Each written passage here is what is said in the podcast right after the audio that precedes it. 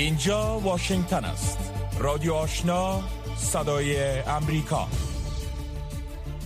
با عرض سلام و وقت بخیر شنوندگان گرامی خوش آمدید به برنامه خبری این ساعت که به میزبانی من سهر عظیمی و همکارم احد عزیزاده برای شما تقدیم میشه. نخست توجه شما را جلب می کنم به مشروع اخبار افغانستان منطقه و جهان از همکارم احد عزیزاده. با عرض سلام. احد عزیزاده هستم با اخبار افغانستان منطقه و جهان تا این ساعت مقامات طالبان روز چهارشنبه 22 جون گفتند که در نتیجه یک زلزله در ولایت پکتیکا و خوست بیش از یک هزار نفر جان باختند. این زلزله شدید شب گذشته برخی از مناطق افغانستان و پاکستان را تکان داد. اداره زمینشناسی ایالات متحده شدت این زلزله را 6.1 به مقیاس رکتر شناسایی کرده است. این اداره می‌گوید که مرکز زلزله در 44 کیلومتری خوست و در عمق 51 کیلومتری زمین بوده است. بلال کریمی معاون سخنگوی حکومت طالبان گفت که این زلزله اوایل صبح چهارشنبه به وقت محل رخ داد. کریمی افزود که این زلزله چهار ولسوالی آن ولایت را شدیدا تکان داده است که در اثر آن دهها خانه نیز به گونه کامل تخریب شده است.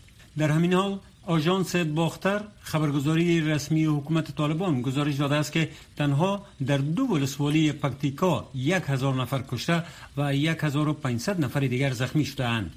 مقام های طالبان می‌گویند که تلاش ها برای بیرون کشیدن قربانیان از زیر آوار جریان دارد. به گفته کریمی تا کنون صدها نفر از محلاتشان در ولایت پکتیکا آواره شده و بیجا شدگان نیاز به کمک های عاجل بشری دارند. اداره زمینشناسی ایالات متحده صبح وقت چهارشنبه گفت که زلزله به شدت 6.1 به مقیاس رکتر مناطق پرجمعیت افغانستان و پاکستان را در اوایل صبح چهارشنبه به وقت محل تکان داده است. مرکز زلزله سنجی مدیترانه اروپا در توییت گفته است که تکان این زلزله در ساحه 500 کیلومتر از افغانستان گرفته تا پاکستان و هند احساس شده است. این مرکز از قبل شمار از شاهدان گفته است که این زلزله در کابل پایتخت افغانستان و اسلام آباد پایتخت پاکستان نیز احساس گردیده است. شرف الدین مسلم معین وزارت دولت در امور رسیدگی به آفات طبیعی حکومت طالبان بعد از ظهر امروز در یک کنفرانس خبری این ارقام را تایید کرد. با گفته آقای مسلم در اثر این زلزله هزاران خانه حتی چندین قریه کاملا تخریب شده و بیشتر تلفات در ولسوالی های برمل پکتیکا به زنان و کودکان رسیده است. او از منظوری یک میلیارد افغانی پول کمک نقدی به قربانیان خبر داده است. ملا حیبت الله آخونزاده رهبر طالبان در یک پیام غمشریکی از جامعه جهانی و نهادهای خیریه خواسته که با زلزله زدگان کمک کنند. آقای آخونزاده در این پیام گفته است که ممکن تلفات از این هم بیشتر شود. در این حال زبیولا مجاهد سخنگوی طالبان. در توییت گفته که جلسه کابینه حکومت طالبان به رهبری محمد حسن آخوند رئیس الوزرای طالبان فرا خوانده شده و در این جلسه فیصله شده که هر چیز زودتر به شمول کمک نقدی مواد خوراکی صحی و البسه به خوست و پکتیکا فرستاده شود. سفارت ایالات متحده امریکا برای افغانستان که فعالیت‌هایش را از قطر به پیش می‌برد در یک پیام تویتری به زلزله زدگانی که اقاربشان را از دست دادند تسلیت گفته است. این سفارت گفته است ما از گزارش های مبنی بر وقوع این زلزله در شرق افغانستان عمیقا متاثر هستیم. ما به همه کسانی که به خاطر این رویداد ویرانگر متاثر گردیدند از صمیم قلب تسلیت عرض می‌کنیم. وزیر امور خارجه هند نیز به قربانیان زلزله در افغانستان ابراز همدردی کرده است. در این حال شهباز شریف صدر پاکستان نیز از زلزله شب گذشته در افغانستان ابراز تأسف کرده است. شهباز شریف در صفحه تویتر خود نوشت پاکستان در غم برادران خود شریک است. ادامه اخبار افغانستان منطقه و جهان از رادیو آشنا صدای امریکا. یک شهروند امریکایی که برای مقابله با اردوی روسیه به اوکراین رفته بود و در کنار سربازان اوکراینی می جنگید کشته شده است. این دومین امریکایی است که در اوکراین کشته می شود. وزارت خارجه امریکا دیروز به روزنامه واشنگتن پست تایید کرد که استیفن زبلیسکی شهروند 52 ساله در منطقه زپوریژیا در 15 ماه می کشته شده است. جزئیات بیشتر در مورد مرگ او دادن نشده اما گفته شده است که او برای جنگیدن در برابر نیروهای روسیه به اوکراین رفته بود. جنگ اوکراین تلفات سنگین انسانی و خسارات انگفت مالی را تاکنون به جا گذاشته است هفته گذشته خبرگزاری های روسیه گزارش دادند که دو نظامی پیشین امریکایی در جریان جنگ در نزدیکی خارکیف به دست نیروهای روسی اسیر گرفته شدهاند. در نهم جون دو شهروند بریتانیایی و یک مراکشی از سوی جدایی طلبان طرفدار روسیه در منطقه دونتسک اوکراین به اعدام محکوم شدند. آنها به فعالیت‌های مغرضانه متهم شدند. ایالات متحده روز سه شنبه گفت که تهدید کرملین در برابر دو شهروند ایالات متحده که هنگام جنگ بر ضد قوای روسیه در اوکراین دستگیر شده اند هولناک است. روسیه گفته است که این دو شهروند امریکایی که در جنگ اوکراین بر ضد قوای روسی دستگیر شدهاند ممکن به مجازات اعدام محکوم شوند بر اساس گزارش رسانه ها دو شهروند ایالات متحده که در اوایل ماه جون توسط قوای روسیه در شرق اوکراین اسیر شدند نظامیان پیشین امریکایی می باشند پس از تهاجم نظامی روسیه بر اوکراین شمار نامعلومی از شهروندان خارجی به شمول امریکایی ها به اوکراین رفتند و در کنار نیروهای اوکراینی بر ضد قوای روسی می جنگند. مقامات وزارت خارجه ایالات متحده می‌گویند که آنها جزئیات بیشتری در مورد سرنوشت این دو شهروند امریکایی که گفته می شود توسط نیروهای روسی در اوکراین دستگیر شدهاند و ممکن به اعدام محکوم شوند تا هنوز ارائه نکرده است. مریک گارلند لویسارانوال امریکا تعهد کرده که کسی از آغاز تهاجم روسیه جرایم جنگی را در اوکراین مرتکب شده باشد به عدالت کشانده خواهد شد. او به روز سه شنبه هنگام سفرش به اوکراین گفت هیچ کسی نمی‌تواند خودش را از عدالت به خاطر ارتکاب چنین جرایم پنهان کند. وزارت عدلیه امریکا می‌گوید لوی سارانوال این کشور در دیدار با همتار اوکراینیش گفته که یک گروه به منظور نظارت از جرایم جنگی گماشته خواهد شد. جنگ اوکراین پس از دو روز وارد پنجمین ماه می شود و در این مدت هزاران تن کشته شدند و میلیون ها تن دیگر هم به کشورهای اروپایی پناه بردند. سازمان ملل متحد روز چهارشنبه از ایران خواست تا برنامه قطع انگشتان هشت زندانی را متوقف کند و از تهران خواست ارنه و تنبیه بدنی را لغو کند. سخنگوی دفتر حقوق بشر سازمان ملل متحد گفت که هفتن از این افراد در حال حاضر در زندان مرکزی تهران نگهداری می شوند. بر اساس گزارش که توسط انتونیو گوترش منشی عمومی سازمان ملل متحد ارائه شد ایران حداقل 105 نفر را بین اول جنوری تا 20 ماه مارچ اعدام کرده است در این گزارش آمده است که 260 نفر در سال 2020 اعدام شدند و حداقل 310 نفر دیگر در سال 2021 اعدام گردیدند گزارش گوتیرش با نگرانی عمیق به افزایش اعدام برای جنایات کمتری مانند جرایم مرتبط به مواد مخدر اشاره کرده است. پایان اخبار افغانستان منطقه و جهان از رادیو آشنا صدای امریکا. هفت روز هفته با رادیو آشنا صدای امریکا. حالا می رسیم به بخش گزارش های این ساعت مقامات طالبان روز چهارشنبه گفتند که در نتیجه زلزله در ولایت پکتیکا و خوست بیش از هزار نفر جان باخته و بیش از 1500 نفر دیگر زخمی شدند. بلال کریمی معاون سخنگوی حکومت طالبان گفت که این زمین لرزه اوایل صبح چهارشنبه به وقت محل رخ داده. کریمی افزود که این زلزله چهار ولسوالی این ولایت را شدیدا تکان داده است که در اثر آن دهها خانه نیز به گونه کامل تخریب شدند. شرح بیشتر در این گزارش. در جریان زمین لرزه سهشنبه شب در ولایت های پکتیکا و خوست در جنوب شرق افغانستان که تلفات زیاده بر جای گذاشت مردم همه خواب بودند.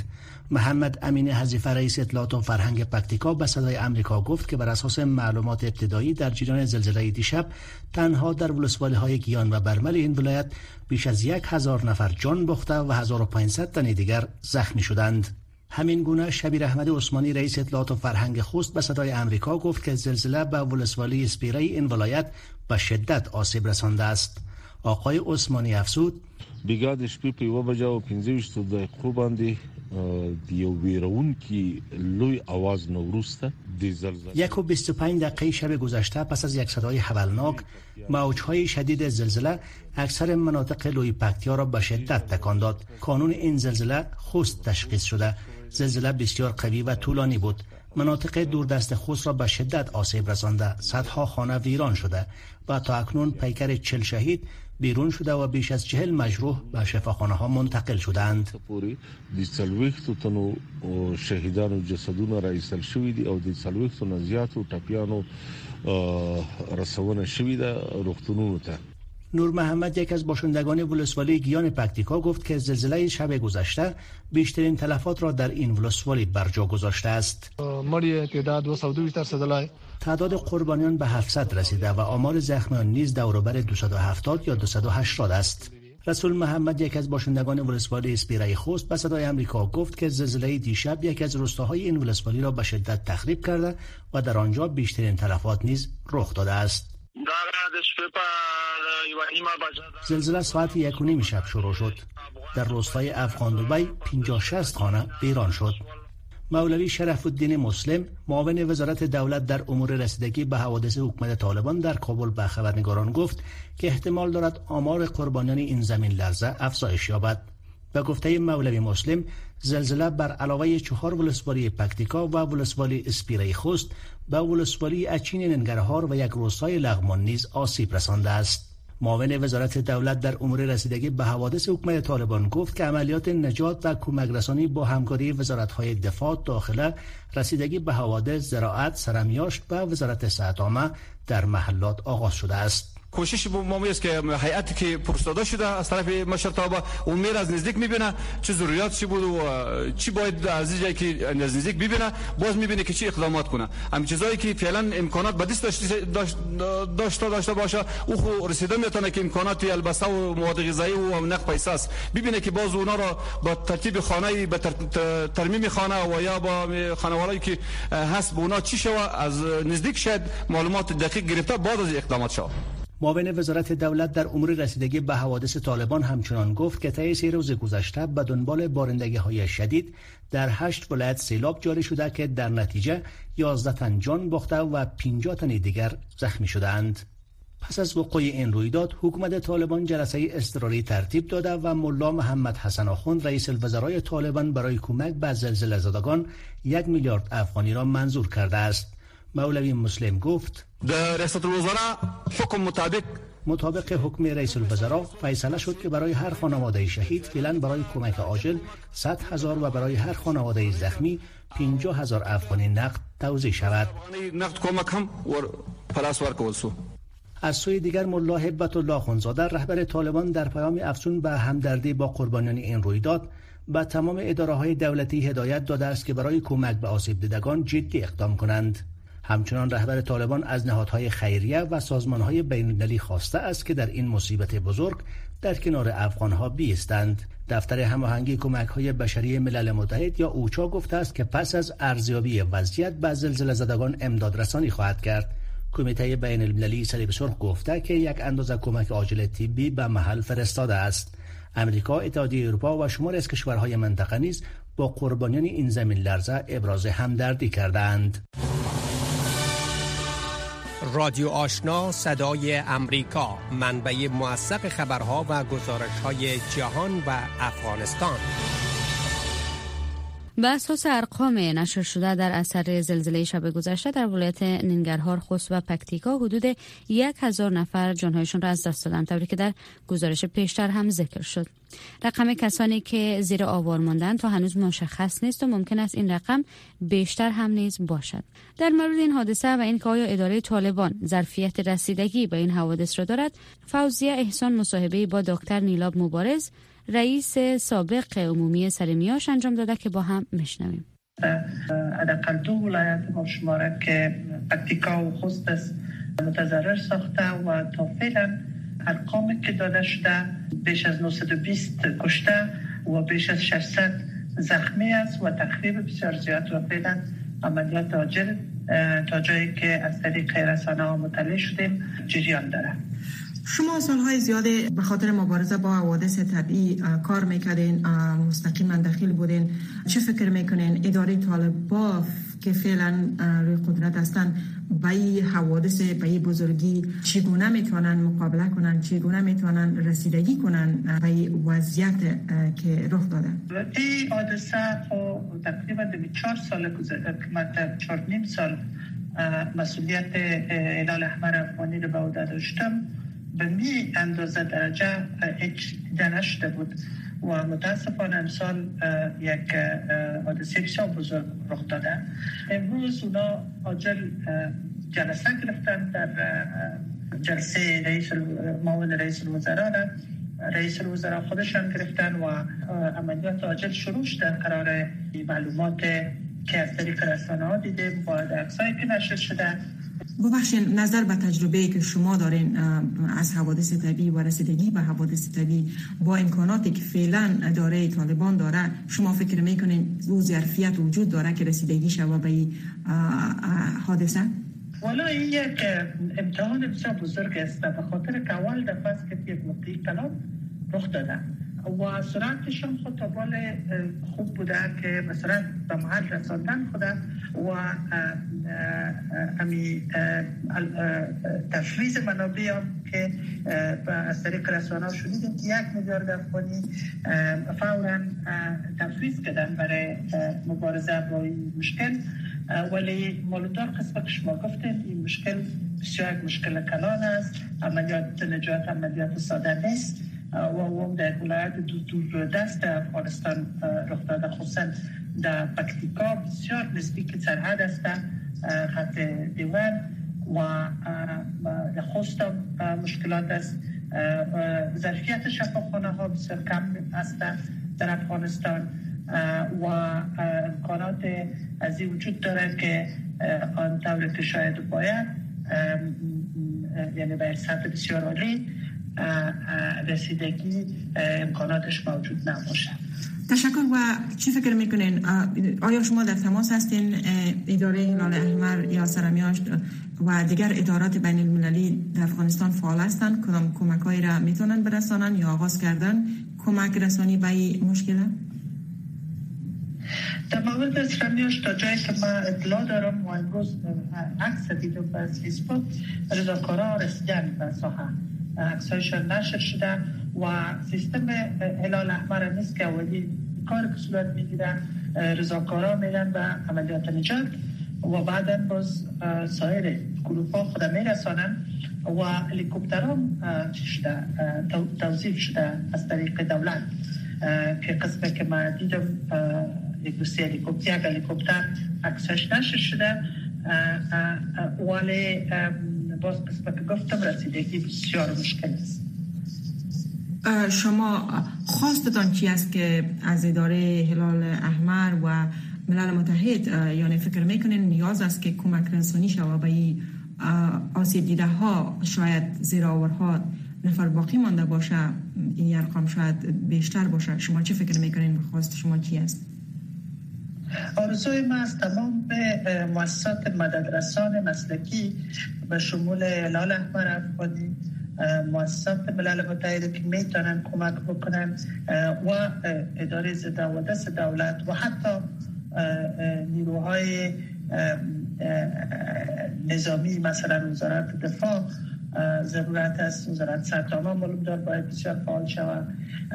و اول عملی نجات عاجل صورت بگیره و فورا باید در عقبه عملیات عاجل کمک های عاجل طبی و سایر مدد رسانی و بسیار خانه از بین رفتن. و ما بدیل را که یاد میایه در مدت 20 سال گذشته زلزله نهرین بود که در سال 2002 واقع شده بود و کاملا شهر نهرین از بین رفته بود. اونموت یک حالت است.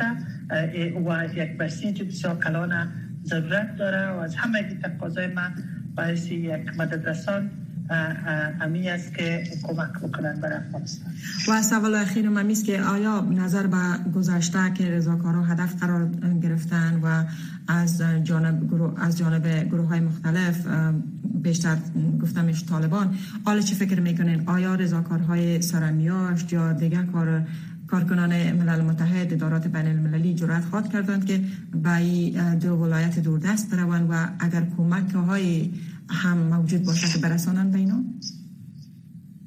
اتفاقا جمعیت الاحمر افغانی اسلامش هیچ وقت مورد یعنی حمله قرار نگرفته بود. ما در تمام افغانستان دو طرف درگیر ما رو بر نشناخت و می‌تونستیم کار بکنیم.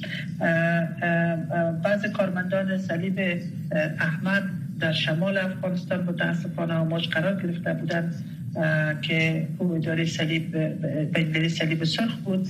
ولی اسلامیاشت یک حادثه رو ندیده بود در مدت که ما بودم و حالا در جای می‌رسن این مشکل رسیدگی وجود نداره. مشکل امکانات ظرفیت و وسایل لازمه مثلا نمیاله. اگر مردم زیر آور صد فیصد ماندن کشیدن از اینا می‌فهمید که چقدر وسایل لازمه را ضرورت داره. اونو وسایل کمبود است هم وقت هم کمبود داشتیم زیاد. مشکلات وجود داشت خود تا حد که می‌شد کلک یک جایی کمک رسانی می‌کنه هفت روز هفته با رادیو آشنا صدای امریکا. بابور بلوچ سخنگوی منطقه‌ای کمیشنری عالی سازمان ملل متحد می‌گوید کمیشنری عالی پناهندگان سازمان ملل یا UNHCR دستورالعمل‌های جدیدی را به همه کشورهایی که افغان‌ها در آنجا پناه می‌برند ارائه کرده است که هیچ کس نباید مجبور به ترکان کشور شود یا به جاهای ناامن منتقل شود. آقای بلوچ در مصاحبه با فرخنده پیمانی گفت که افزایش حس ناامیدی در داخل افغانستان باعث مهاجرت به کشورهای همسایه یعنی ایران و پاکستان و حتی فراتر از آن شده است. توجه کنید به این مصاحبه که با سخنان آقای بلوچ آغاز می شود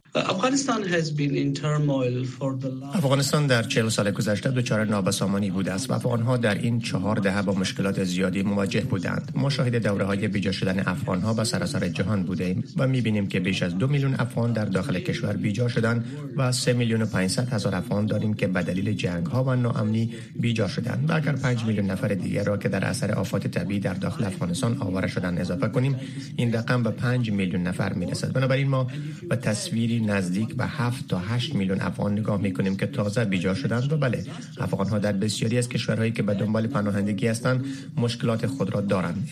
امروز ما 2.4 میلیون افغان داریم که در پاکستان و ایران پناهنده هستند. حتی فراتر از آن در ترکیه و اروپا و همه کشورهای دیگر ما پناهندگان افغان را ثبت کردیم و همچنین پناهندگانی داریم که به تازگی از حوادث اگست سال 2021 متاثر شدند. برخی از افغان ها به صورت غیرقانونی به کشورهای غربی سفر می کنند سیاست این کشورها برای این نوع پناهجویان چی است؟ خطراتش چی است؟ میشه کم روشنی بندازین واقعیت این است که با افزایش حس ناامیدی در داخل افغانستان باعث مهاجرت به کشورهای همسایه یعنی ایران و پاکستان حتی فراتر از آن شدند. اما نه تنها این موضوع بلکه مردم دلایل زیادی برای جستجوی امنیت از افغانستان خارج می شوند و هیچ راه قانونی آسانی برای بسیاری از افرادی که در کشورهای خارجی می خواهند با خانواده هایشان بپیوندند وجود ندارد. مردم مجبورند خود را به دست قاچاقچیان انسان بسپارند. این یک چیز بسیار واضح است و ما بارها و بارها و سایر جمعیت های پناهنده و مهاجرانی که در حال حرکت هستند می‌گوییم که قاچاقچیان انسان به جان انسانها اهمیتی قائل نیستند. به همین دلیل است که مسیر بسیار خطرناکی را انتخاب می کنند اگر فقط یک مثال را در مورد دریای مدیترانه از ترکیه که وارد یونان می شود بیاوریم می بینیم که هزاران نفر جان خود را از دست دادند. باید راه های امنتری برای استفاده از این حق اولیوی انسانی وجود داشته باشد. با توجه به شرایطی که فعلا در افغانستان جریان داره آیا پالیسی کشورها در مقابل پناهجویان افغان پس از سقوط نظام قبلی و فرار هزاران افغان از, از کشور از ترس جانشان. آیا اندک تغییر کرده یا ای که به شکل سابق است؟ درست پس از حادثه ماه اگست سال 2021 من در کابل بودم. یک ماه و نیم را صرف سفر به سراسر کشور کردم. احساس ناامیدی در همه بسیار واضح مشاهده می شد من مادرانی را دیدم پدرانی را دیدم و اطفال خردسالی را دیدم که هیچ چیزی نداشتند. منظورم یکی از نگرانی هایی است که آنها در زمینه امنیت دارند. همچنین وقتی به اطراف نگاه می کنید مشاهده آن دشوار است. ما تلاش کردیم با حمایت از آنها در زمینه کمک های بشردوستانه بالای جامعه بین المللی فشار بیاوریم. مخصوصا رعایت حقوق اولیه مردم از جمله زنان و دخترانی که در زندگی عمومی به تحصیلات خود دسترسی دارند. این امید را فراموش نکنیم که در 20 سال گذشته شاهد بازگشت دختران به مکتب بودیم و دانشگاه ها رفتند. این نیز باید تضمین شود. و همین دلیل است که درخواست ما در سطح جهانی این است که افغانستان اکنون پیش از هر زمان دیگری به توجه شما نیاز دارد. همانطور که می‌گوییم تصمیم گیری برای افغان ها از نظر زمانی که می‌خواهند بسیار دشوار است به کشور بازگردید. هیچ کس نمی‌تواند این حق را از هیچ یک شما بگیرد. خب اگر بیایم در مورد کشورهای ترکیه و ایران صحبت بکنیم روزانه می‌بینیم شاید هستیم که صدها افغان را اجباری اخراج می‌کنن و اونا مجبور هستند که دوباره به کشور بازگردن با وجود که نمی‌خواین در این مورد چی نظرتان چی است؟ مردم افغانستان به دلایل زیادی کشورشان را ترک می کنند که عمدتا به خاطر نگرانی های امنیتی و همچنین احساس ناامیدی در داخل کشور به کشورهای همسایه رجوع می کنند و در حال فرار هستند. کمیشن عالی پناهندگان سازمان ملل متحد با های جدیدی به همه کشورهایی که ها به عنوان پناهجو سفر می کنند ارائه کرده است که هیچ کس نباید مجبور به ترک آن کشور شود یا به جایی که در آن امن نیست اخراج شود. حتی فراتر از آن در اروپا و سایر کشورهایی که سیستم پناهندگی را دارند. حتی اگر قبلا درخواست پناهندگی پناهجویانی که قبل از حادثه اگست سال گذشته رد شده باشد باید فرصت دیگری به آنها داده شود. صدای امریکا رادیو آشنا 100.5 FM وکلای جولیان آسانج بنیانگذار ویکیلیکس از حکومت استرالیا خواستند تا تلاش بیشتری برای رهایی جولیان آسانج فعال متولد کوینزلند انجام دهد. بر اساس فیصله هفته گذشته مقامات بریتانیایی قرار است جولیان آسانج به ایالات متحده آمریکا مسترد گردد. او که متهم به افشای اسناد محرم استخباراتی آمریکاست در صورت استرداد به آمریکا به جرم افشای اسناد محاکمه خواهد شد. گزارش فیل مرسر در این مورد را از فوزه احسان بشنوید.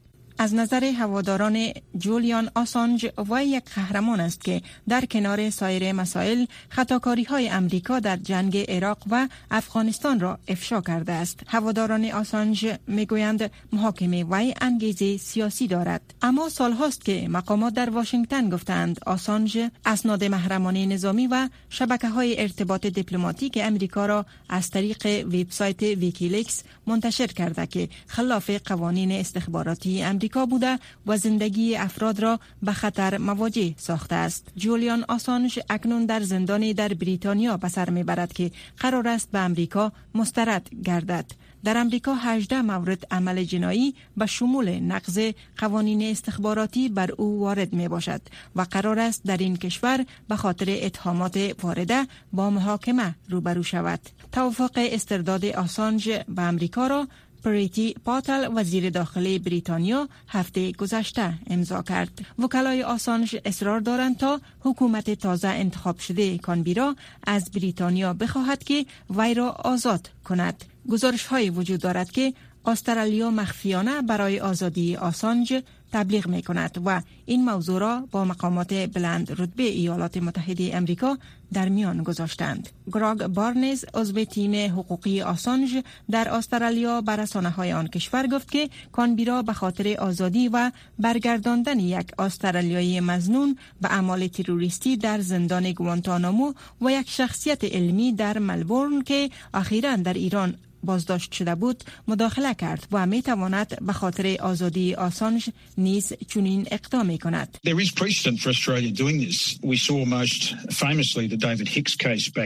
استرالیا قبلا نیز این کار را کرده است. در گذشته ما قضیه بسیار مشهور دیوید هیکس را دیدیم. فکر می کنم سال 2004 بود زمانی که حکومت جان هاورد صدراعظم قبلی برای رهایی دیوید هیکس از زندان گوانتانامو و برگرداندن او به خانه از اراده خوب خود استفاده کرد. برای مثال قضیه کایلی مور گیلبرت را دیدیم. صرفا به دلیل اینکه قضیه در قلمرو قضایی دیگر است نمی‌توان گفت استرالیا نمی‌تواند دخالت کند. پینی وانگ وزیر خارجه استرالیا در اعلامیه گفته است که قضیه آسانج بیش از حد طولانی شده و باید فیصله در مورد آن صورت گیرد. او گفت حکومت استرالیا نمی‌تواند در امور قضایی کشور دیگری مداخله کند. از سال 2006 به این طرف که ویکیلیکس ایجاد شد. این نهاد صدها هزار قضیه محرمانه و شبکه های ارتباط دیپلماتیک را منتشر کرد که بزرگترین افشای اسناد امنیتی در نوع خود خوانده شده است. آسانش از سال 2019 تا کنون در مقابل استردادش به ایالات متحده مقابله می کند و در نظر دارد از بریتانیا بخواهد که در مورد استردادش به ایالات متحده تجدید نظر کند. در اینجا می رسیم به پایان سرویس خبری این ساعت از رادیو آشنا صدای